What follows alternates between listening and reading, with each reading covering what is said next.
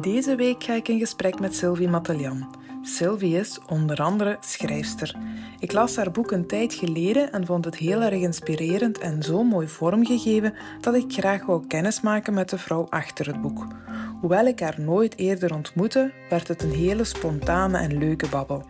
Nadat Sylvie met een burn-out geconfronteerd werd, volgde een identiteitscrisis en een switch van zekerheid en carrière naar avontuur, een boek schrijven, een uitgeverij oprichten en een coachopleiding volgen.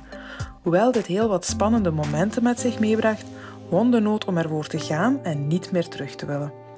We hadden het over haar Kroatische roots, passie voor de zee en hartstocht. Over hoe we alle twee geloven dat je alleen het beste van jezelf kan geven, ook aan je kinderen, als je goed voor jezelf zorgt. De opname werd gemaakt langs een wandelpad aan het Schullesmeer. Je zal dus merken dat er af en toe wat voorbijgangers passeren. Ik hoop dat dit gesprek je mag inspireren om Sylvie's boek te lezen en ook jouw avontuurlijkste leven te gaan leven, hoe dat er ook mag uitzien. Veel luisterplezier.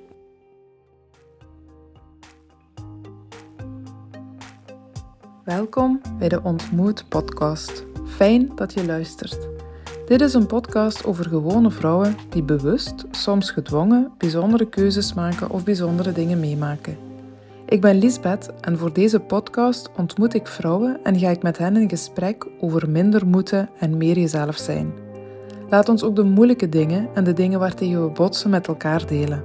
Alleen zo kan je ervaren dat je niet alleen bent en dat andere vrouwen ook worstelen.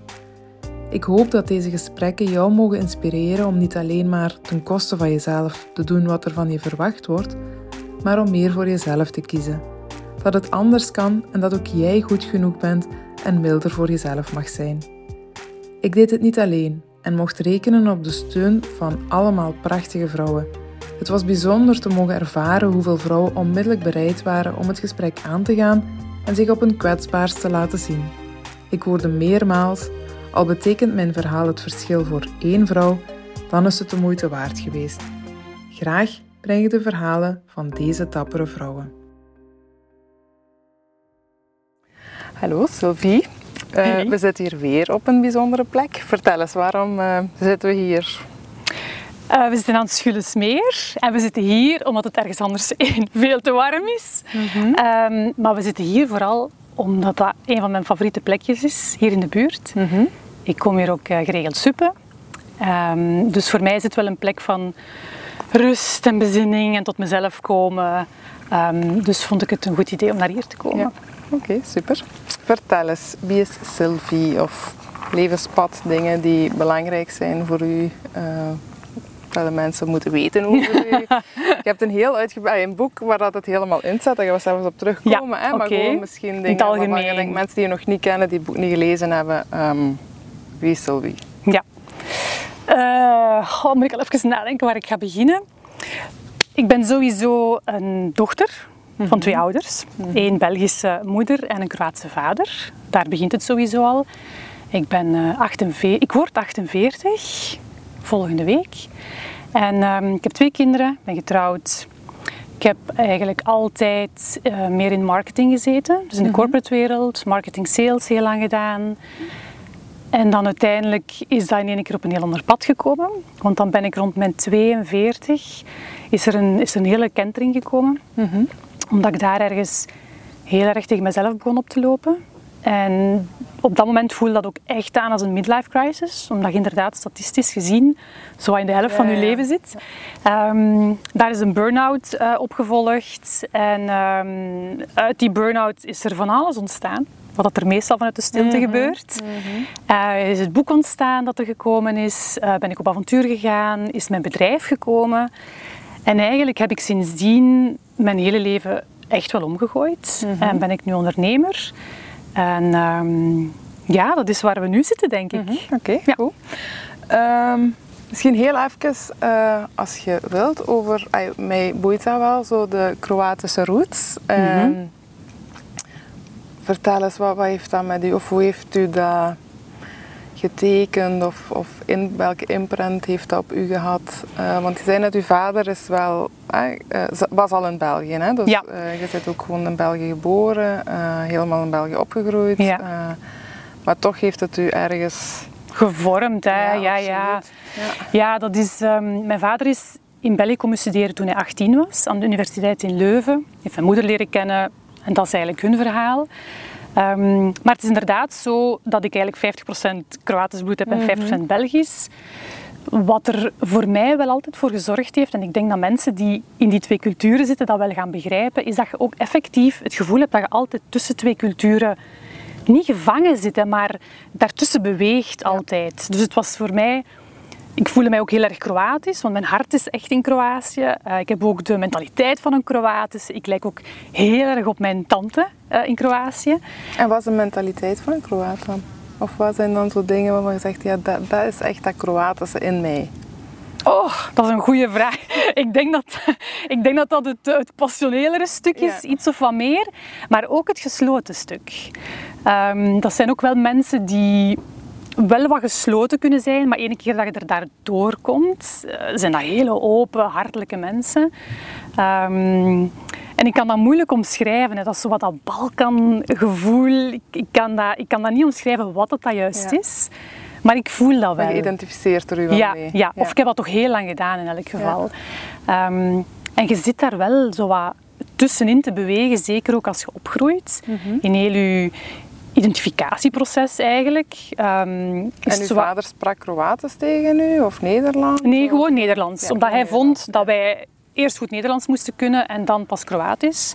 Maar je kunt wel Kroatisch Ik kan Kroatisch, eh, maar niet perfect. Ja, Ja, oké. maar Er komen ook wandelaars voorbij ondertussen hier. dat is helemaal oké. Hallo. Maakt het ook gezellig. Hè? Ehm, maar inderdaad, ja, dat heeft mij wel gevormd allemaal op een bepaalde manier. Dat ik wel altijd het gevoel dat ik, dat ik zo tussen, tussen twee dingen in stond. Ja. Oké. Ehm, je zei ook hè, zo het, het stukje ehm, ondernemen. Hè, zo, dat was ook weer wat misschien identiteit zoeken of zo. Is dat, je zei identiteit, identiteitscrisis en een burn-out. Ehm, ja, ik merk, hè, veel hebben dat in de, ah een 40 of zo is dat voor heel veel mensen. Maar ik merk wel in, in mijn werk dat dat voor sommige mensen ook op andere momenten komt. Als je heel ingrijpende dingen meemaakt bijvoorbeeld, dan dat je ook even je identiteit in vraag stelt of zo. Ik denk dat we dat misschien gewoon te weinig doen vanuit onszelf. Sowieso. Ehm, maar daar is dat dus eh, ook. Ja, ik vroeg me af net van als je het stukje, ehm, het Kroatische stukje, oh, ai, ja, dat is ook zo van niet echt weten wie ben ik nu en, en wat wil ik nu. En, en daar wordt weinig aandacht aan gegeven, ook denk ik, eh, aan, bij kinderen. Van, Ja. Om dat een beetje het meer te ontdekken van wie zijt jij eigenlijk? Ja, ja, ja, ja. ja. Nee, je bent Belg, je gaat gewoon naar school, maar je bent nog meer dan dat. Daar is zo precies ook geen plek voor. Ik snap wat je bedoelt. Ehm, het is ook omdat ja, mijn vader komt uit Kroatië, dat is een hele christelijke cultuur. Dus Mhm. de manier van opvoeden is ook helemaal anders dan bijvoorbeeld mijn moeder had. Ehm, dus daar zat ik ook al ergens Ja, ja, ja. tussen ook. En je wordt dan wel gevormd door wat er verwacht werd van u als kind. Hè. En je moest christelijk zijn, en je moest naar de kerk gaan, en je moest de regels volgen. Ehm, dus dat vormt uw, uw, uw geest en uw ego en uw identiteit helemaal absoluut. eigenlijk. Ehm, waardoor dat je zelf je sowieso niet in vraag gaat stellen. Want dat is gewoon Ja, zo. Het ja. wordt opgelegd. En zeker ook in die cultuur nog, werd dat niet in vraag gesteld. Mhm. En zeker niet van uw vader. Ehm, dus dat zorgt er natuurlijk wel voor dat op een bepaald moment dat je wel gaat zoeken naar Ja, en wie is dat dan, die Sylvie. dan ja, eigenlijk? zonder dat Kroatische stuk, zonder dat Belgische stuk. Ja. Maar ik, wie ben ik dan Ja, eigenlijk? Dus ja, dat, dat, dat beweegt daar ook allemaal in. En, en is dat dan ook iets, hetzelfde zoekproces wat je hebt, hè, want je zegt marketing en sales heel. ehm, is dat ook iets waar je in gerold bent, zonder dat je eigenlijk echt hebt gevraagd van ja, wil ik deze wel of past dat bij mij? Of is dat, hoe is dat dan gegaan? Ja, want je hebt op ja. dat moment dus je helemaal geswitcht dan. Hè? Ja. Eh, Ehm, marketing en sales is eigenlijk gekomen vanuit mijn opleiding. Dus ik had eh, twee keuzes als ik naar de hogeschool ging. Ik heb eerst een jaar unief gedaan, psychologie. Het was heel snel duidelijk dat, dat, dat het dat niet ging worden. De statistiek was voor mij onoverkomelijk. ja, herkenbaar. Voilà. Ehm, en dan de tweede keuze was kunst. En dat is eigenlijk al iets dat er bij mij in het middelbaar, dat de leerkrachten mij al heel vaak gezegd hadden, zouden we Sylvie naar de kunstrichting sturen, maar ik mocht dat niet van thuis. Ja. Uiteindelijk ben ik dan toch hier in Hasselt ehm, naar de hogeschool gegaan, naar de PXL. Dat noemde, dat noemde toen nog anders. Dat was het FICO. Ehm, en heb ik dan kunst gedaan, heb ik grafische en reclamevormgeving gedaan. En dat was echt vanuit puur interesse. Ik Ja. deed dat eigenlijk heel erg graag. En eh, van daaruit ben ik eigenlijk gerold in het hele marketingstukje, de reclamewereld, drukkerijwereld. Dus dat stuk is, is wel bewust geweest, maar ik ben wel gewoon, ik heb me wel gewoon laten leiden door, ah ja, daar is een job vrij, ik zal dat maar gaan doen. Ah, ze stellen mij een job voor, ah ja, ik ga dat dan maar doen. Zonder dat eigenlijk veel in vraag te stellen. Ja. Want de bedoeling was gewoon dat ik werk had en dat ik daarin zekerheid En zekerheid, en- vooral dat. Ja. Ehm, dus daar voel ik wel dat, dat ik daar dan wel ben beginnen rollen op een of andere manier in de maatschappij, in het bedrijfsleven. Terwijl dat de keuze wel heel bewust was Ja. voor de richting. En als je dan hè, op een bepaald moment identiteit, burn-out, ehm, is het dan daar waar je op gebotst bent? Van dat je daarin gerold bent en jezelf misschien wel verloren onderweg of zo? Absoluut, dat is zeker een heel groot stuk geweest. Ehm, ik weet dat ik in mijn, eh, in mijn corporate of bedrijfscarrière heb ik eigenlijk heel veel keuzes gemaakt vanuit die zekerheid, dat je daar juist zei. Dus welke job Zekerheid en misschien ook carrière. Zo, hè, altijd hoger, altijd... ah, Ja, Ja, ja. dus zekerheid sowieso aan zich als basiszekerheid, want dat was voor mij heel belangrijk, omdat ik ook zo opgevoed ben. Ja, ja. Ehm, maar daarnaast ook toch zo hoog mogelijk willen gaan en maar carrière gaan. En liefst dan up naar de volgende, want oh ja, daar, daar heb ik dat en daar heb ik een betere auto en daar, oh, daar heb ik een team onder mij. En toen ik daar in een keer stond en ik had dat team en ik moest die aansturen, begon ik te voelen van, maar ik doe dat helemaal niet graag. Dit, dit werkt niet, of toch niet op deze manier, Ja, ja. Oh, hoe dat het mij gevraagd werd. Ehm, en dan voelde ik wel van, ik zit, ik zit niet meer op mijn plaats. Ehm, dus dat heeft er wel voor gezorgd dat er daar wel een, een verschuiving is gekomen. Ehm, in wat ik voelde van de zingeving. Er, er, er miste een zingeving in het hele ding dat ik aan het doen was.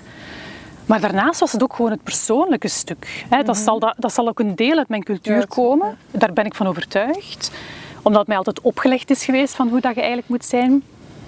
Terwijl mijn ouders mij wel vrijgelaten hebben, maar toch zit die, moet ik het zeggen, onzichtbare druk zit er Ja, daar wel altijd ergens op.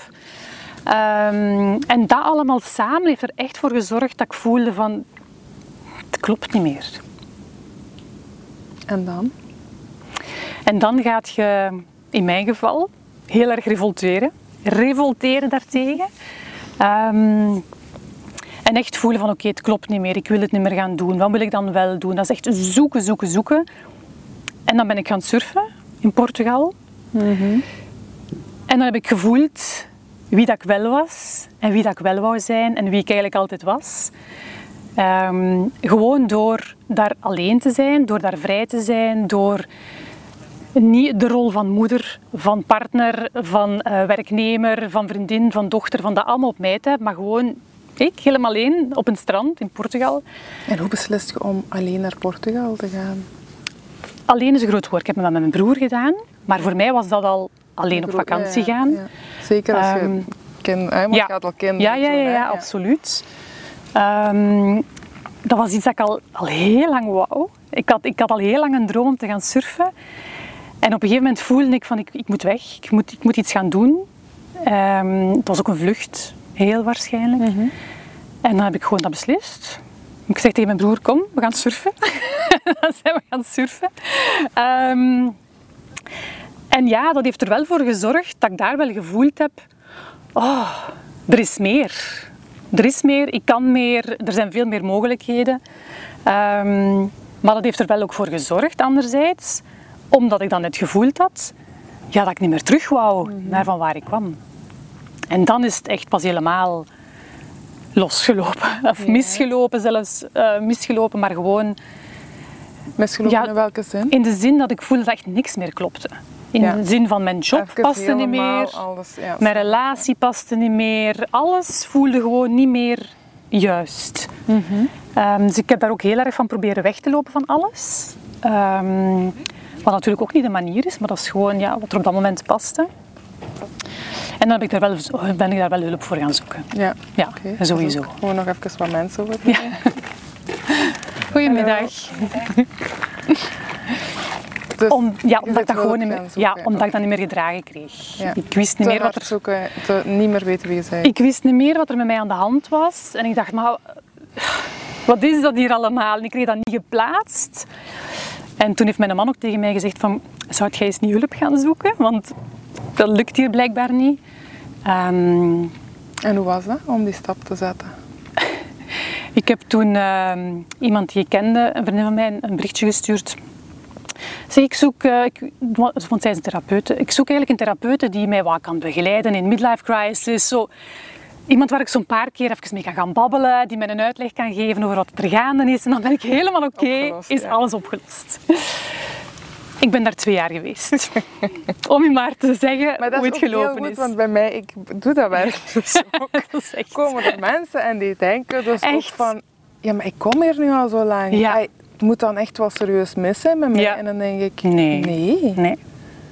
Ai, sommige processen duren misschien ook gewoon lang. En dat mag misschien ook. Ai, ja. Eh, Ja, en, ik, en nu denk ik zelfs, waarom heb ik daar zo lang mee gewacht? En ik, het zijn ook dingen die ik bijvoorbeeld als ik een talk ga geven, ik vermeld dit ook expliciet, dat ik dat gedaan heb. Dat ik ook hulp gezocht heb, dat ik twee jaar therapie gevolgd heb. Omdat het zo belangrijk is. En omdat het gewoon een deel is van uw, van uw zoektocht. En dat heel dat stigma dat erop hangt, dat dat er gewoon vanaf mag gegooid worden. Ja. Hè? Want het is gewoon ook een soort van gaan kijken naar wie dat je bent en wat er u gevormd heeft en wie dat je zou kunnen zijn Mhm. zonder dat allemaal. Ehm, dus ik vind dat, ik vind, voor mij was dat een heel belangrijk stuk in het proces. Ja. absoluut. En wat heeft u dan nog voor de rest? Ah, dus hulp zoeken, therapie.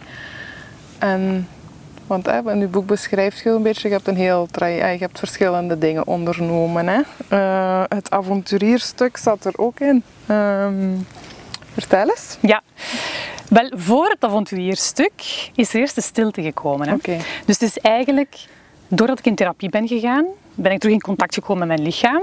Heb ik terug in contact gekomen met, met mijn gevoelens. Want dat kon ik, daar kon ik helemaal niet De aan. meeste mensen Ja. kunnen dat ook echt gewoon Ja. niet. Ja. En daarom is dat voor mij zo'n belangrijk stuk geweest, die therapie, omdat, mij dat, omdat ik eigenlijk mezelf de toelating heb gegeven om die burn-out toe te laten. Dus ik heb dat zo lang tegengehouden en gevochten en maar doordoen, want Ja. ja, eh, wordt verwacht. En eigenlijk daardoor voelde ik pas van hoe moe ik was en hoe, eh, hoe, hoe, moeilijk ik het, ik het had met mijn gevoelens. Dus eigenlijk heeft dat ervoor gezorgd dat ik de burn-out heb toegelaten. Waardoor ik in die stilte beland ben, waar alle ruis was weggevallen. Want ja, het enige wat ik deed was rusten en slapen in het begin. En dat heeft er eigenlijk voor gezorgd dat ik terug begon te beseffen dat alle dingen waar ik naar op zoek was, dat dat gewoon allemaal in mij zat. En toen dacht ik, "Oh, maar er zit zoveel in mij, nog zoveel avontuur. Enfin, dat is wel een heel proces geweest Ja, van maanden. ja, Hè? ja. En toen ben ik dus effectief ook beginnen denken van, ik moet daar iets over, ik moet daar iets over vertellen, ik moet, dat, ik moet daar over gaan schrijven ook. Eh, en ik moet andere mensen op de hoogte brengen dat er meer is in het leven dan dit. Ehm, Want heel vaak, die, zeker die corporate wereld, is veel meer op externe dingen gericht. Hè? ja, Veel ja, minder, net zit in mij, maar het is meer inderdaad die auto en die... eh, Die bevestiging. Ehm, en kijken van, ja, ik doe het toch goed. Hè, zie mij, want ik, ik doe het toch goed.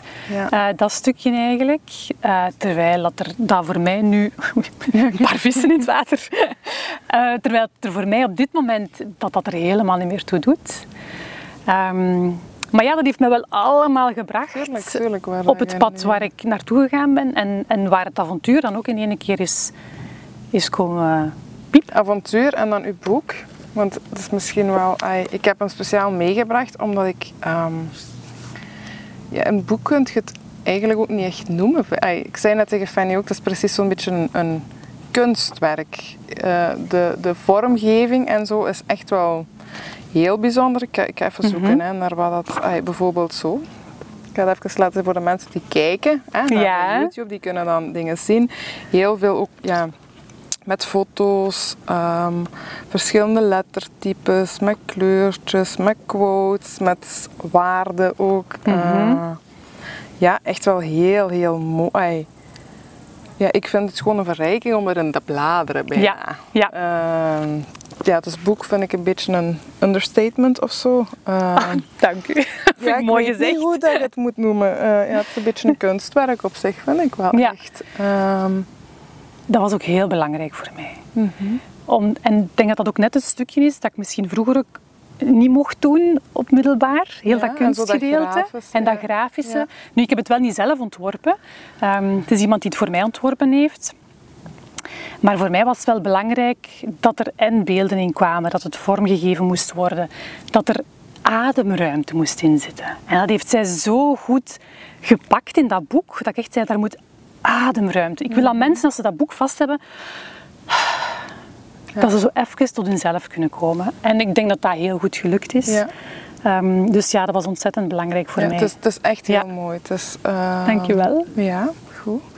Ehm, en wat heeft het boek u dan gebracht? Oh, veel. veel. Ehm, het heeft ervoor gezorgd dat ik eh, enerzijds zelf op avontuur ben gegaan. Want eigenlijk ik zat met het idee van het schrijven.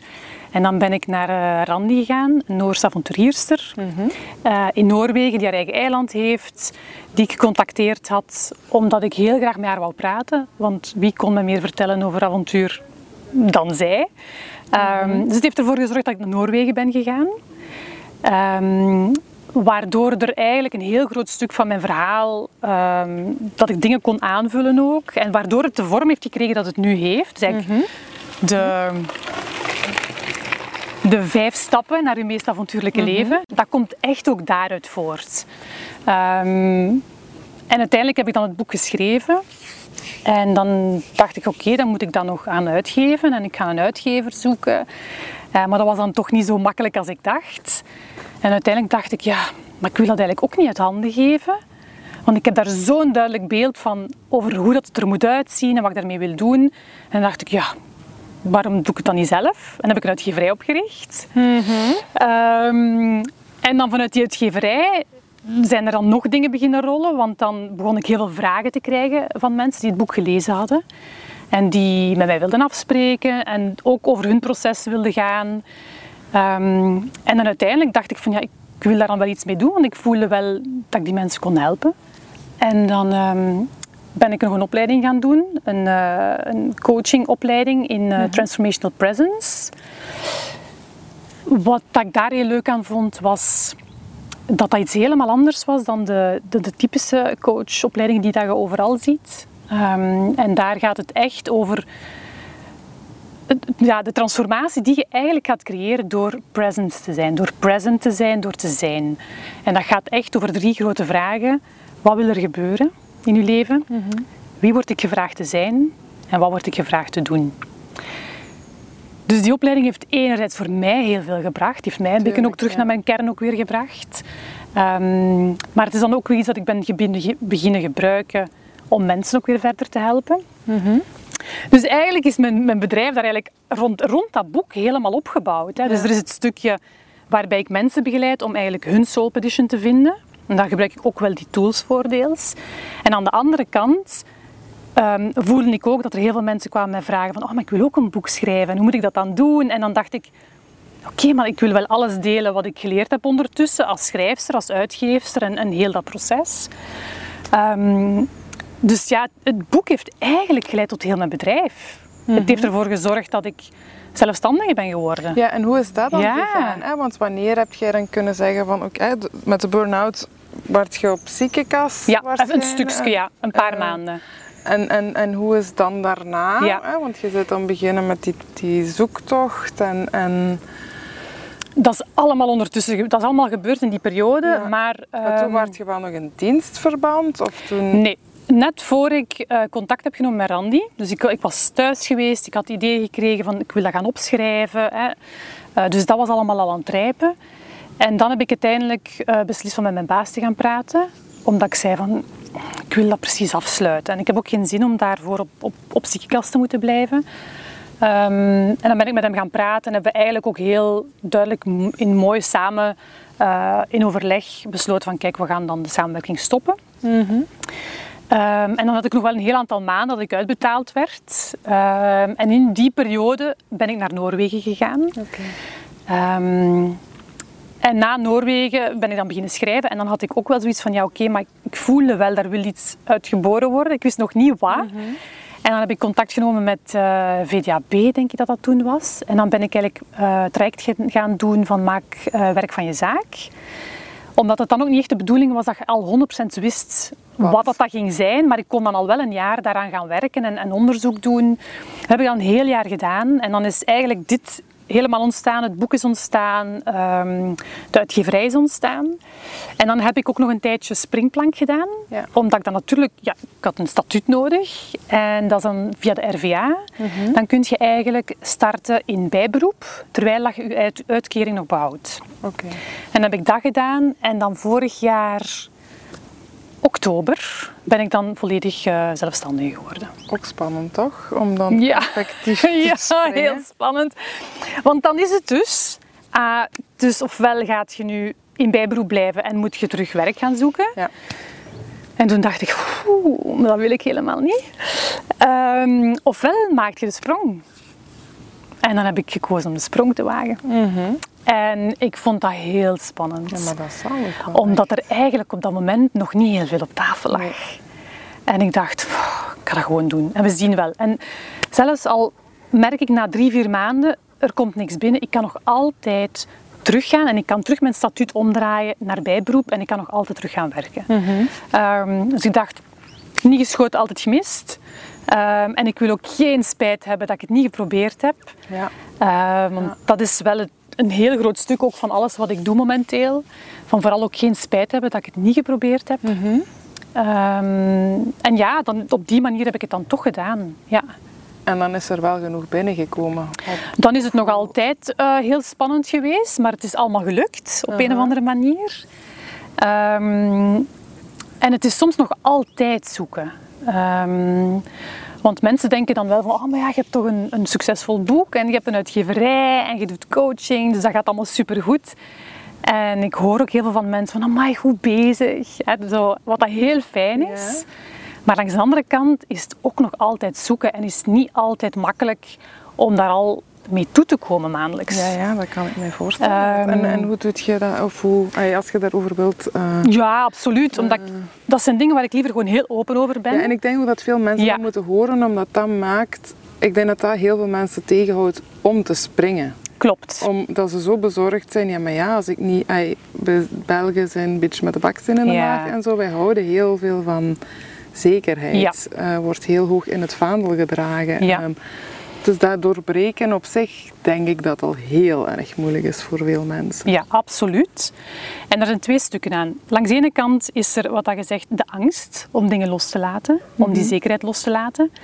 Maar zolang dat je vasthoudt aan die angst, kun je geen plaats maken voor dat nieuwe stuk. Absoluut. Dus op een of andere manier gaat je dat toch onder ogen moeten zien om plaats te maken voor wat dat je echt wel wilt gaan doen. Mhm. Hallo. Um, dus er is dat stuk, enerzijds. En langs de andere kant is er natuurlijk het stuk van ja, leren omgaan met die onzekerheid, wat dan niet makkelijk is. Dat is voor mij een hele grote stap geweest. Zeker als je al niet goed kunt voelen en gevoelens probeert te vermijden dan alle kosten. Uh, maar toen was ik daar al wel door. Ja, ja, toen was ik al wel, maar inderdaad, had anders had ik dit gedaan. nooit gedaan. Nee, nee, anders dat had ik, ik bedoel. ja, Ja. absoluut. Um, nee, dan zat ik helemaal vast in die zekerheid. Dan had ik dat nooit gedaan. Um, maar dus daarmee leren omgaan met onzekerheid. Ik heb ook een beetje op mijn training gehaald, dan ook in mijn eh, coachingopleiding, Mhm. want daar ging het dan ook een beetje over van daarmee leren omgaan en daar ook het avontuur van durven inzien. Mhm. Um, is ook een belangrijke stap geweest. Maar natuurlijk, ik heb wel nog een man die werkt. Um, en gelukkig hebben we het op deze manier al, al, al heel lang kunnen trekken. Um, dus nu heb ik wel inkomsten, maar het heeft wel een heel aantal maanden ervoor gezorgd dat we dankzij hem wel ja, de rekeningen konden ja. betalen. Hè. Um, dus ik ben wel En iemand... had je ook een spaarpotje dat je hebt? Ik had een spaarpotje dat ik wel heb ingezet, Ja. maar dat was op een bepaald moment helemaal door. Ja. Want Dus dat is ook weer zo'n moment van... ja, en dat is, voor mij is dat een, een heel, heel moeilijk proces geweest. Ja, dat is ook gewoon heel moeilijk. Ja. Ehm, Want er zijn echt momenten geweest, want dat is een stukje dat ik ook in mijn volgende boek uh, ga ging vermelden, is dat ik nog 80 euro had staan. Hè. En dan dacht ik, ik die altijd, altijd geld op mijn spaarrekening had staan, want er moest maar eens iets gebeuren en ik wou altijd een mooie reserve hebben. En nu had, had ik al mijn geld in mijn zaak geïnvesteerd. Ik dacht van, oeh. Ja, want je eigen boek uit, eh, een uitgeverij starten en zo kost, kost allemaal geld. Hè? Ja, en een boek uitgeven kost ook, veel geld. Um, dus ja, dat zijn wel heel spannende tijden geweest. Dus ik, allee... En hoe, of wat heeft u toen geholpen? Of, of wat heeft gemaakt dat je toch bent blijven staan en niet kiezen voor... Oh, ik ga toch gewoon terugwerken. Gewoon... Ja. Omdat de nood om dit te doen en de wil om dit te doen was gewoon zoveel groter dan de angst die ik had. Um, en ook het feit dat ik gewoon niet meer terug wil. Als ik maar bedacht van oké, het gaat te moeilijk zijn, ik ga moeten werk gaan zoeken. Ik heb het gedaan een paar keer. Hè. Dus ik heb achter mijn computer gezeten en ik dacht van oké, dus goed, nu ga ik werk zoeken. Um, dan voelde ik van oh, nee. En dan werd ik zo ongelukkig van dat te zitten zoeken. Um, dat ik uiteindelijk wist van nee, dat gaan we niet doen. En dan elke keer gebeurde er wel iets, waardoor het dan wel weer goed kwam, of kwam er wel geld binnen, of ging ik wel iets doen. Um, dus vertrouwen in het hele proces is een heel belangrijk stuk geweest. Ja. Zonder gaat het niet, maar het is wel echt heel... Ik herken het ik denk, oh, ik moet niet denken aan terug voor een... Ik, ik ben ook altijd mijn eigen baas geweest, dus dat is heel moeilijk voor mij om in een systeem te zitten waar dat er weinig ruimte is voor verandering. Maar ik heb ook echt vaak momenten dat oh nee, deze ga ik nu echt niet. Mm. Het is genoeg geweest. Ja. Ik ga even, ja. ik, gewoon, maar dan denk ik, nee, ga ik niet gelukkig van worden. Ga ik nee. echt niet gelukkig van worden. Uh. Nee, absoluut. En voor mij ondernemen, ik heb nu wel gemerkt ook, het is echt wel best pittig. En het is ook wel een topsport. Maar langs de andere kant wil ik terug? Nee, nooit meer. Mm -hmm. Dus um, ik neem het er allemaal bij, want wat het mij langs de andere kant geeft, is zoveel meer waard dan het stukje waar ik dan soms tegenop loop, dat ik denk van ja Sylvie, leer daar maar mee omgaan en gaat het even moeilijk, steek een tandje bij of zoek een ander. Je wordt creatiever, je gaat anders nadenken, uh, je probeert in kansen te kijken en in mogelijkheden. Dus het heeft u heel wat gebracht, het toch blijven staan in het ondernemerschap. En wat zijn dan zo'n dingen die dat u gebracht heeft? Um. Uh, sowieso de vrijheid uh, op één, um, de onafhankelijkheid, de mogelijkheid om mijn eigen keuzes te maken, om de richting uit te gaan die ik wil uitgaan, mm. zonder dat ik daar iemand verantwoording moet voor afleggen. Dus als ik voel van ik wil nu vandaag een beetje meer in coaching gaan investeren, of ik wil nu naar het schrijverstuk gaan, dan kan ik dat helemaal zelf mm -hmm. beslissen. En dat vind ik zoveel waard. En daarnaast ook het feit dat ik mijn tijd zelf kan indelen. Mhm. Dat ik er uh, ben thuis voor de kinderen over het algemeen. Wat ook een heel groot verschil is ten opzichte van vroeger. Um, en hoe was dat vroeger dan? Ja, ik ging in, mijn laatste jobs waren altijd in, waren vooral in Brussel ook. Um, dus dat is ja, werken tot 6, 7 uur en dan nog met de auto terugkomen en dan hopen dat we er maar twee uur over doen. Um, dus voor acht uur thuiskomen was al niet evident. Dus dat betekent opvang, uh, kinderen wegbrengen, veel minder zien, laat thuiskomen. Um, en dat vind ik, ja, als ik dan vergelijk waar ik nu sta, ja, veel rijker. Ja. Zelfs al was mijn loon veel hoger toen, uh, vind ik mijn leven nu veel rijker. Ja? ja op dat gebied toch zeker. In, in uw boek schrijft je ook een stukje over waarde. En dat is ook mooi in het boek, vind ik trouwens, dat, dat, dat je ja, eigenlijk ook heel wat tips geeft al in uw boek om zelf aan de slag te gaan mhm. en zo. Ehm, en waarde is er daar eentje van. Zo de dingen die je noemt, dat zijn dan, veronderstel ik, ook uw waarde. Ja, ja, absoluut. Ja, ja. Um, dus vrijheid staat bij mij sowieso op één. Dat is uh, mijn topwaarde eigenlijk, waar ik al de rest bijna aan, aan mhm. koppel. Um, en die andere waarden zitten er sowieso ook in, hè, want ik heb ze zelfs hier, ik had ze in het boek inderdaad allemaal staan. En het zijn er, het zijn er heel veel. Het zijn mhm. heel veel waarden en ik vind mij in, in heel veel dingen terug. Um, maar vooral die, die vrijheid, de authenticiteit, de hartstocht, um, de bezieling ook. eh, bezieling vinden in, in alles waar ik mee bezig ben. Uh, dat is het stukje de spiritualiteit er ook insteken. Mhm. En ook dankbaarheid voor waar ik nu sta. Wat het ook is, hè? op welke mhm. manier dan ook. Mhm. Ehm, ja, die zitten er voor mij eigenlijk allemaal zitten die er nu in. Ja, want eh, als je zegt inderdaad daarvoor een hoger loon en ja, je levensstandaard zal ook wel hoger zijn dan, denk ik. Ja, ja. Dus je moet ook wel inbinden op bepaalde dingen misschien. Hoe was dat voor u? Hoe, was dat een gemakkelijk proces om het gewoon met minder te doen? Of was dat ook wel even Um, in het begin viel dat nog wel mee, omdat ik zo dat spaarpotje en zo nog allemaal had. Dus ik, ik, hield dat wel allemaal nog wat op hetzelfde niveau. Maar inderdaad, mijn levensstandaard was veel hoger. We gingen veel vaker op reis. Ik had een hele mooie wagen, alles erop en eraan. Um, dus daar, dat stapje in terugzetten um, vind ik nog altijd niet altijd even makkelijk. Mhm. Omdat ik omdat ook daar ook wel een stukje vrijheid aan gekoppeld is. Ja, klopt. Ja. En dat is iets wat dat veel mensen vergeten in dat hele ondernemersproces. Het is super fijn om vrij te zijn, om, om onafhankelijk te zijn in te doen wat je wilt en je keuzes te maken. Maar langs de andere kant heb je ook geld nodig om bepaalde dingen te kunnen doen en in de wereld te zetten en om nieuwe boeken te schrijven. Um, dus daar voel ik wel dat, ik af en toe wel nog tegenop loop. Mm -hmm. um, maar hoe gaat je daarmee om? Of hoe... Ja, door er gewoon tegenop te lopen. En door gewoon eerlijk te zeggen, ik vind dat niet fijn en vandaag heb ik daar heel veel last van. Ja. Ehm, en door daar tegen mijn man over te zagen en te zeggen, en, we hebben te weinig geld en we kunnen dat niet doen. En door daar gewoon eens even helemaal in te staan.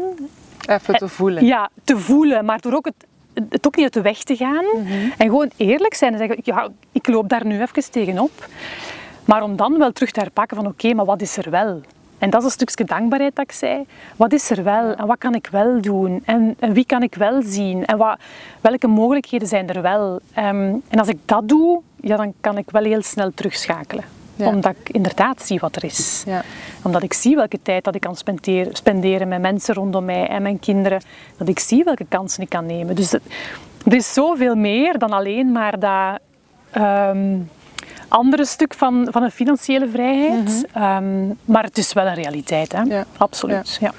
ja. je, je uh, hebt het ook over je kinderen. Uh, vond ik ook heel sterk in je boek dat je daar ook echt uitspreekt van ja, goh, ik was niet de, toch ik ben niet de typische moeder. En ook daar wat moeten zoeken van ja, ook daar zijn er vanuit onze maatschappij heel, ja, heel veel verwachtingen. Hè, van wat je als moeder of ouder misschien, maar zeker als moeder hoort te doen. En ehm, ik denk dat er veel vrouwen tegen aanbotsen die dat misschien niet zo voelen. Zo zeker mhm. vrouwen zijn die dat wel, en dan is dat helemaal prima, maar veel vrouwen voelen dat niet. Maar die zitten wel met een groot schuldgevoel opgezadeld, want ja, ze voelen het niet. Was dat bij u ook zo, dat je daar dan schuldig over voelde, dat je niet de typische moeder waard, of dat je later thuis waart omdat je aan het werken waart? Of... Goh, op dat moment niet, mhm. omdat dat ook gewoon de realiteit was. En omdat mijn carrière op dat moment, dat stond voor mij op één. Ja. Ik zat toen nog in een hele andere uh, levensfase, een hele andere mindset. En dat was gewoon voor mij het belangrijkste. Um, dus ik was daar toen eigenlijk niet op die manier mee bezig. Um, en langs de andere kant denk ik nog altijd niet dat ik, omdat ik nu thuis ben of van thuis uit werk, dat ik er daarom ook altijd moet zijn. Zeker niet. Um, is dat niet altijd makkelijk? Zeker niet. Um, want ik ben nu ook bijvoorbeeld aan het denken, van, ik zou er eigenlijk een week tussenuit willen. En ik wil heel graag aan een nieuw boek beginnen, maar ik heb daar ruimte voor nodig, ik heb daar tijd voor nodig. Maar dat betekent weer een week weg zijn van huis. En dan speelt dat wel natuurlijk. Hè, dat je denkt, oké, ja, dat is goed, maar dan hè, moet mijn man alles alleen doen. Dan gaat dat dan gaan met de hobby's. En mijn jongste dochter vindt dat nogal wat moeilijk, nog altijd, als ik dan wegga dat is, dat is wel daar zo wat mee worstelen, maar langs de andere kant laat ik hun wel zien dat ik ga voor wat ik echt wil doen. En ik doe dat met heel veel liefde en ik kom met heel veel liefde terug ook. En ik kan ook veel beter geven als mijn vatje gevuld is. Um, dus die schuldgevoelens, dat, ja, dat gaat wel eigenlijk vrij snel. En dat, dat is dan misschien ook hetzelfde, want ik vraag me af, inderdaad, hè, um, naar Portugal en naar Noorwegen en dat is heel tof. Maar was dat voor die kinderen ook? Ay, want die waren toen nog wel wat kleiner als nu. Hè? Ehm, voor u was dat oké gewoon om te doen? Dat voelde gewoon, ik moet dat nu doen? Of hoe? Ehm, ja, dat is, uh, wacht even al denk, dat is drie jaar geleden ongeveer. Drie jaar geleden. Uh, dus mijn jongste dochter was negen. Uh, zij vond dat wel moeilijk, maar langs de andere kant heeft mijn man ook gezegd, je moet dat gewoon doen. Je moet daar niet over twijfelen, je moet dat gewoon doen. Dus dat stelt mij al gerust langs de ene mhm. kant. Mm Dan hebben we dat ook uitgelegd, waarom dat ik dat wilde doen. Ze was dat ook oké. En we weten dan dat dat de eerste dag wat moeilijk is en dan gaat dat wel. Dus eigenlijk, nee, als ik, als ik echt voel van ik, ik moet dit doen, dan leg ik dat ook gewoon uit. En dan, dan lukt dat ook echt wel. Ja. ja. Dat is ook wel een mooi voorbeeld wat je dan geeft, denk ik. Want ik, ik merk dat bij mij, mijn mama's die in de praktijk komen, dan... Ehm, mama's willen wel dat hun dochters het anders. als ik dan vraag van ja, maar zou je willen dat die dochter hetzelfde, mm ook heel haar leven on hold zet omdat ze een kind heeft? Ja, nee, nee, nee. Ja, maar ja, hoe gaat ze dat leren als jij dat wel doet? Ja, klopt. Ehm, want we voelen ons wel schuldig van ja, we laten ze ach, en ja, maar zo, ja, kinderen zijn belangrijk. Maar ik geloof ook echt oprecht dat je maar het beste van jezelf kunt geven als je ook goed voor jezelf zorgt. Absoluut, sowieso. En ze leren ook om ook met die gevoelens om te gaan. Want ik kan ervoor zorgen dat ik mijn kind altijd behoed dat ze geen heimwee krijgt of dat ze niet voelt hoe het is om iemand te missen. Ik kan haar daar volledig voor behoeden. Hè? Maar is dat wat ik wil? Het is ook, denk ik, goed voor haar om daar te leren mee omgaan. Ja, en al is dat niet makkelijk. Want je kunt ze ja, niet altijd. Nee, dat gaat ze niet. gaan ooit. Ja, en de volgende keer gaat dat makkelijker. En dan gaat dat weer makkelijker. Dus ze leert daar ook van op een bepaalde manier. Dus ik, ja, ik denk dat we, dat, dat we daar beter gewoon ook met onze kinderen gewoon open over praten. Mhm. Want kijk, dit is wat ik wil doen, dit is nodig. En ik doe dat voor ons ook een stukje, maar ook vooral voor mezelf. Mhm. En dat pakken ze later sowieso mee, hè? want ze zien dat. Hè? Ja, ja. Dus, dat is mooi. Eh, ik geloof daar ook echt heel absoluut. sterk in. Dat, uh, um, hoe ziet uw toekomst eruit? Of uh, waar wilt je naar de toekomst toe? um, Op dit moment is er uh, ja, sowieso mijn grote droom om dat tweede boek mhm. te schrijven. Oh, ja. En dat wil ik heel graag internationaal doen. Ah, okay. Dus als ik zou kunnen, dan wil ik eigenlijk gewoon leven van te schrijven. Dat is mijn grote droom. Um, en daarnaast natuurlijk ook nog dat blijven, dat stukje inspireren en dat steeds dingen op de markt wil te kunnen brengen waar ik mhm. mensen mee kan, kan verder helpen eigenlijk. Vanuit mijn eigen ervaringen ook. Um, maar ook met, met alle dingen waar ik mee bezig ben, met House of Sea, om ook anderen daarin in verder te kunnen begeleiden. Um, en ik weet niet waar dat naartoe gaat gaan. Mm. Ik weet het niet.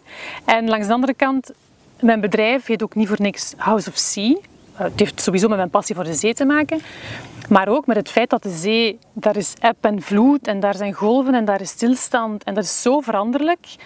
En ik wil dat mijn bedrijf ook kan mee evolueren met hoe ik evolueer en hoe, mhm. waar ik naartoe wil gaan. Dus ik weet dat niet. En ik wil ook nog niet te ver vooruit kijken. Um, maar ja, we hadden het Deze ochtend hadden we het, het, het, gesprek met Fanny dan. En daar ging het inderdaad ook over. Van, zeker zoals beginnende ondernemer ja, soms weet je het gewoon nog niet waar dat je naartoe wilt. Of, en dat is oké. Okay. En gaandeweg moet je dat ook wel voelen. Ah ja, dat is misschien toch niet. Of misschien, ik wil meer in die richting. Of, uh... En het is net door te voelen wat dat je niet wilt doen, dat je dat, je dat weer een andere richting uitgaat. Dus het is zo belangrijk om daar om dat open te houden allemaal. Um, dus zo'n dingen van vijf jaren plannen en tien jaren plannen, ik doe daar eigenlijk helemaal niet aan mee. Ik doe zelfs niet aan kwartaalplanningen, wat ik misschien beter wel zou doen. Um, maar ik, ik voel wel wat ik wil gaan doen. Ik voel wel dat wat ik met het boek gedaan heb, dat, dat ik dat verder wil zetten. Sowieso. Ja. Um, dus dat volg ik. Ja. En als je zegt internationaal, dan bedoelt je boek in het Engels? Of, uh, ja. Minstens. Spannend. We gaan kijken waar het, waar het uitkomt. En als je, als je spreekt over de boek, ik ben er gewoon heel benieuwd naar, want ik weet daar eigenlijk helemaal niks van. Zo, vanaf wanneer is een, heb je een goede oplaai of, of heb je het gevoel dat je boek goed verkocht heeft in je eigen uitgave dingen? Of uh, hoe, ik heb er geen idee van hè, wat dat uh, um, goed is. Of, Nee, want ik denk dat ze pas vanaf 3000 stuks spreken over een bestseller. Mm ik zit nu al ongeveer 1000 stuks. En um, voor mij is dat sowieso al, al goed, Ja, omdat ik, het is niet is dat ik, ik heb geen enkel natuurlijk. marketingbudgetten ingesteld voor niks.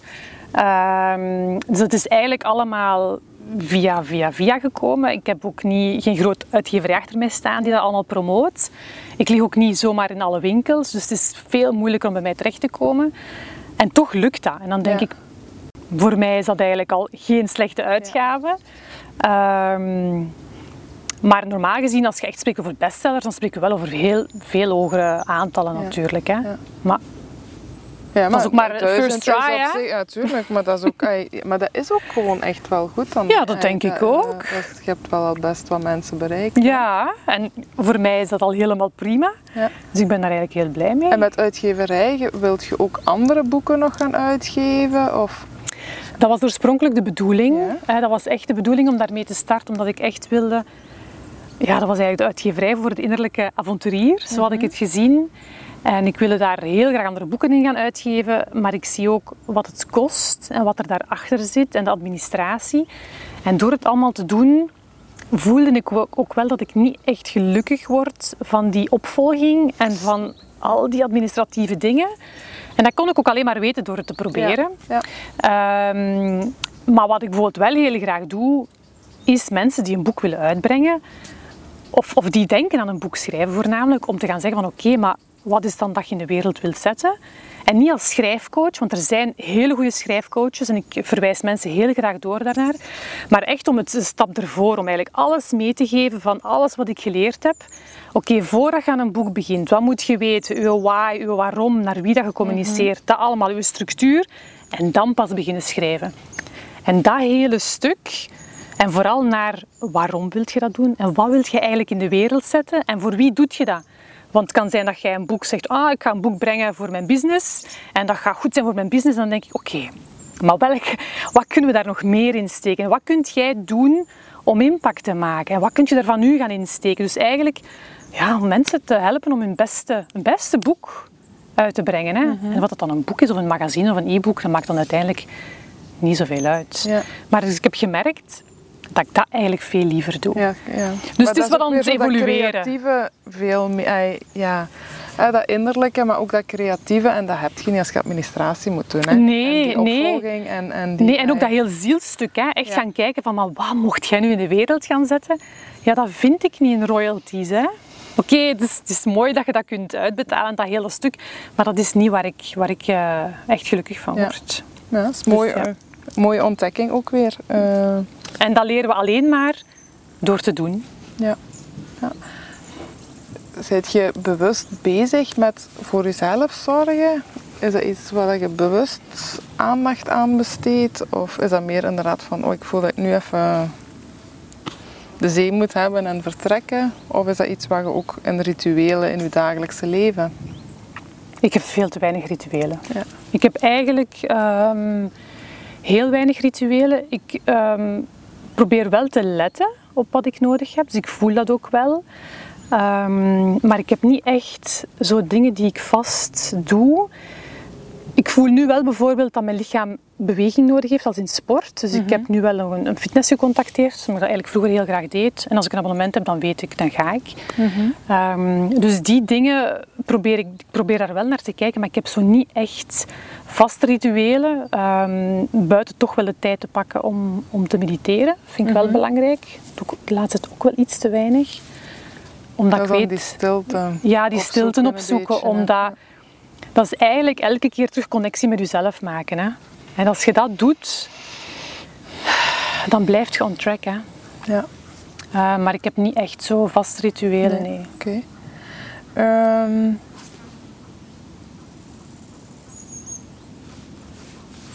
ik ben even aan het denken welke thema's dat we nog zeker niet mogen vergeten. Hè. Ehm, ziet je jezelf graag? Ja. Is dat iets wat altijd al is geweest? Of dat is ook misschien met dit proces wat meer? Of, eh, Eh, ik denk dat ik me daar vroeger niet echt van bewust was, zelfs niet van die vraag. Ja. Ik denk dat dat gewoon niet, die vraag werd gewoon ook niet gesteld. Nee, maar heel veel hebben wel zo'n heel negatief stemmetje in Ja. hun hoofd. Dat continu van, allee, pot verdikken, waarom doe je dat? Zou dat heel streng zijn voor jezelf? Mm, nee, dat heb ik niet echt gehad. Ehm, ik denk dat ik wel, zoals iedereen, wel, wel op momenten wel een beetje gestruggeld heb. Of als je wat jonger bent, dat je zegt van... Oh, en ik, ik, ik moet zoveel kilo vermageren. Of, of ja, die dingen die we daar straks ook, ook eh, gezegd hebben. Van dat heel vaak mensen een bepaalde relatie hebben met voeding en zo. Dat we dan ervoor besproken. Ehm, dus dat zijn stukken die er wel geweest zijn. Maar langs de andere kant ben ik wel blij met wie, dat, wie, wie dat ik ben. ja. Ja. Goed, heel goed, toch? Ja, absoluut. Ik zie wel een hartje op uw eh, dingen staan. Eh, mag ik daar een betekenis van weten? Of die had je dat...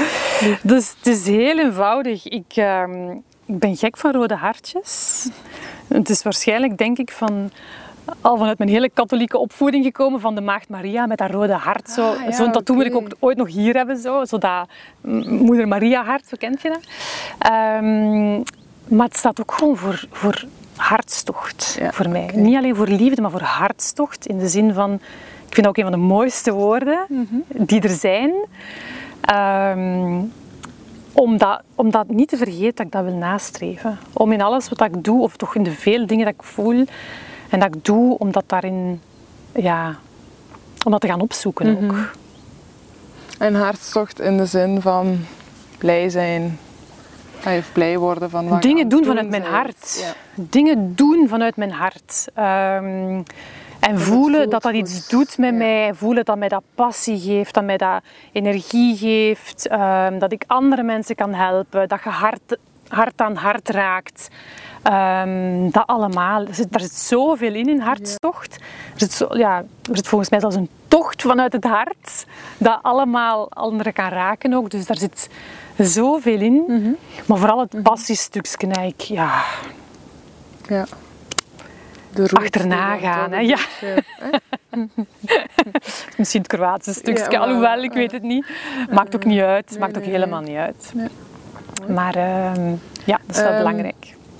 In uw boek staan er ook heel veel quotes. Ehm, je formuleert vaak dingen ook heel krachtig, vind ik. Eh, ja, eh, een van de dingen wat ik wel leuk vond was eh, ontdekken door te ontdenken. Ja, dat is echt een hele grote. Mhm. Ehm, als psycholoog zetten we heel veel in dat denken, maar ja, alles vinden we daar absoluut niet. Integendeel, denk ik Integendeel. zelfs. Ja. Ik denk ook wel dat dat meer en meer, dat meer en meer ook inderdaad naar dat lijf en, en voelen. En, en je kunt ook gewoon volgens mij niet echt heel... ai, eh, maar goed, dat is een ander thema. Eh, eh, was uw eigen lievelingsquote? Als je zelf eentje, want er staan er echt heel veel. in, Ja, ja, ja, ja, ja. Heel mooi. Hè. ja, I love quotes, hè. ja. Maar er staat er één in, en ik ben zelfs aan het denken waar hem staat. En dat is die van de film Dune. Wat dat sowieso mijn favoriete film is. Want dat gaat ook over The Voice die gebruikt wordt. Of. Ehm, en dat is dan eigenlijk, sowieso zit de zee er ook bij. Um, I'll miss the sea, but a person needs new experiences. They jar something deep inside, allowing him to grow. Without change, something sleeps inside us and seldom awakens. The sleeper must awaken. En het is vooral dat laatste stukje. The sleeper must awaken. Ik denk dat zoveel mensen en zoveel onder ons leiden een soort van slaapwandelend leven. En we weten niet wat er daarachter zit. En ik heb het gevoel dat ik daar zo wat achter de sluier aan het kijken ben van wat het er allemaal is. En het is zoveel groter dan dat we denken. Het moment dat we maar gewoon wakker worden en dat kunnen gaan zien, dan, dan ja, is er gewoon een hele andere wereld voor ons. En dat is dat stukje dat mij daar zo in raakt, in die quote. En in die hele film trouwens. The sleeper must awaken. Ja, en ik denk ook wel dat er meer en meer mensen ook wel met die thema's bezig zijn. Ja. Met, eh, ja. Ja, ja, ja. Er is ook er is zoveel meer. En, en dat zijn ook thema's die ik, die ik sowieso in mijn volgende boek ga aanraken. Is dat het allemaal veel groter is dan onszelf. Ehm, dat die oceaan veel groter is dan, dan enkel die golf die dat wij zijn. Dus ehm, ja, dat vind ik, ik vind, daar zit voor mij alles in, Ja. in die quote. Ja. En als je zelf een boek moest kiezen, uw lievelingsboek of boek waar dat je veel aan gehad hebt of zo? Ehm, ik heb heel veel lievelingsboeken.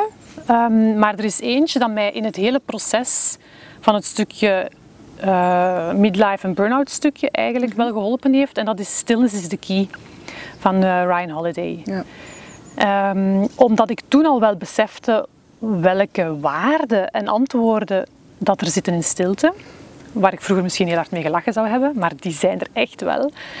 En hij omschrijft dat heel mooi met voorbeelden en ook het stukje escapism. Hè. Dus mensen die uh, vluchten van hun leven door hè, van alles te gaan doen en vakanties te gaan doen, maar we vluchten eigenlijk weg van iets Mhm. in plaats van iets te gaan doen voor ons en, en vanuit een En heel andere te maken dat je niet meer moet vluchten. dat je niet meer moet vluchten. Dus die stukken worden daar zo allemaal in geraakt. En ik vond dat, voor mij was dat op dat moment een heel waardevol boek. Het is een klein mini-bijbelke was Mhm. Ja. dat voor mij op dat moment. Ehm, dus ja, dat is wel een... eh, ik vond dat een heel waardevol Ja. verhaal. En vrouwen of een vrouw die u inspireert? Er zijn er heel veel. er, zijn er, er zijn er eigenlijk zoveel. Eh Randy sowieso, Ja, van Noorwegen, uiteraard, uiteraard. Ehm, en eh, de reden daarvoor is... Kom Kom, maar. jullie maar door hoor. Ja, doe maar. Ja, Geen prima. probleem. Je mocht dus wuiven als je wilt. Dank u. Ehm, dus Randy, eh, sowieso. En de Randy is eigenlijk omdat de manier waarop dat zij in het leven staat, is zo positief en zo haar eigen ding doen. Ehm, en die heeft echt een leven opgebouwd rond dat avontuur en rond wie dat ze is. Eh, dus daar kan ik alleen maar bewondering voor hebben. En ja, er zijn er nog grote, hè, zoals een, een Oprah vind ik ook fantastisch. Hoe zij mensen kan bereiken, wat ze daarin doet. Eh, dat zijn zo wat de grote voorbeelden voor mij. Maar ik vind ze ook op, op plekken heel dicht bij mij. Hè. Bij mijn vriendinnen en, en, en collega's of mensen die ik tegenkom. Dus ja, heel veel vrouwen eigenlijk. Ja. Ja. Is er nog een tip of nog iets anders wat je graag nog wilt delen?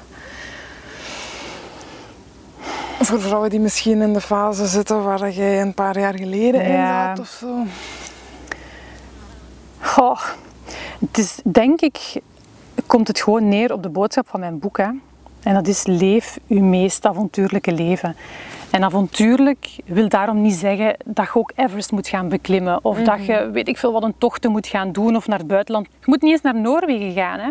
Eh, maar het gaat er echt om dat je uw meest avontuurlijke leven leidt. En zelfs al zijt jij een boekhoudster die gewoon eens van kantoor wil veranderen. Het maakt niet uit, maar als dat voor u avontuur is, doe dat dan ook. Hè. En ga ervoor. Want we zijn hier, we hebben de mogelijkheden. Het is zoveel mooier als je die stappen durft zetten, als je durft je moed inzetten. Dus ik kan, dat, ik kan dat alleen maar ja, aanmoedigen aan mensen om dat toch te gaan doen. Super. Dankjewel. Alsjeblieft. Heel leuk hier aan het water. Ja, met fijn, hè? voorbijgangers. Ja. Eh, Maar Lekker eh, natuurlijk, lekker warm. dankjewel. Alsjeblieft. Fijn dat je luisterde. Ik hoop dat het gesprek je raakte en inspireerde. Ik hoor heel graag wat jij ervan vond. Stuur een mailtje naar Lisbeth zonder h at moedveelgoed.be. Het zou me veel plezier doen als je de podcast een boost wil geven door je te abonneren of erover te vertellen aan andere vrouwen die er wat aan kunnen hebben.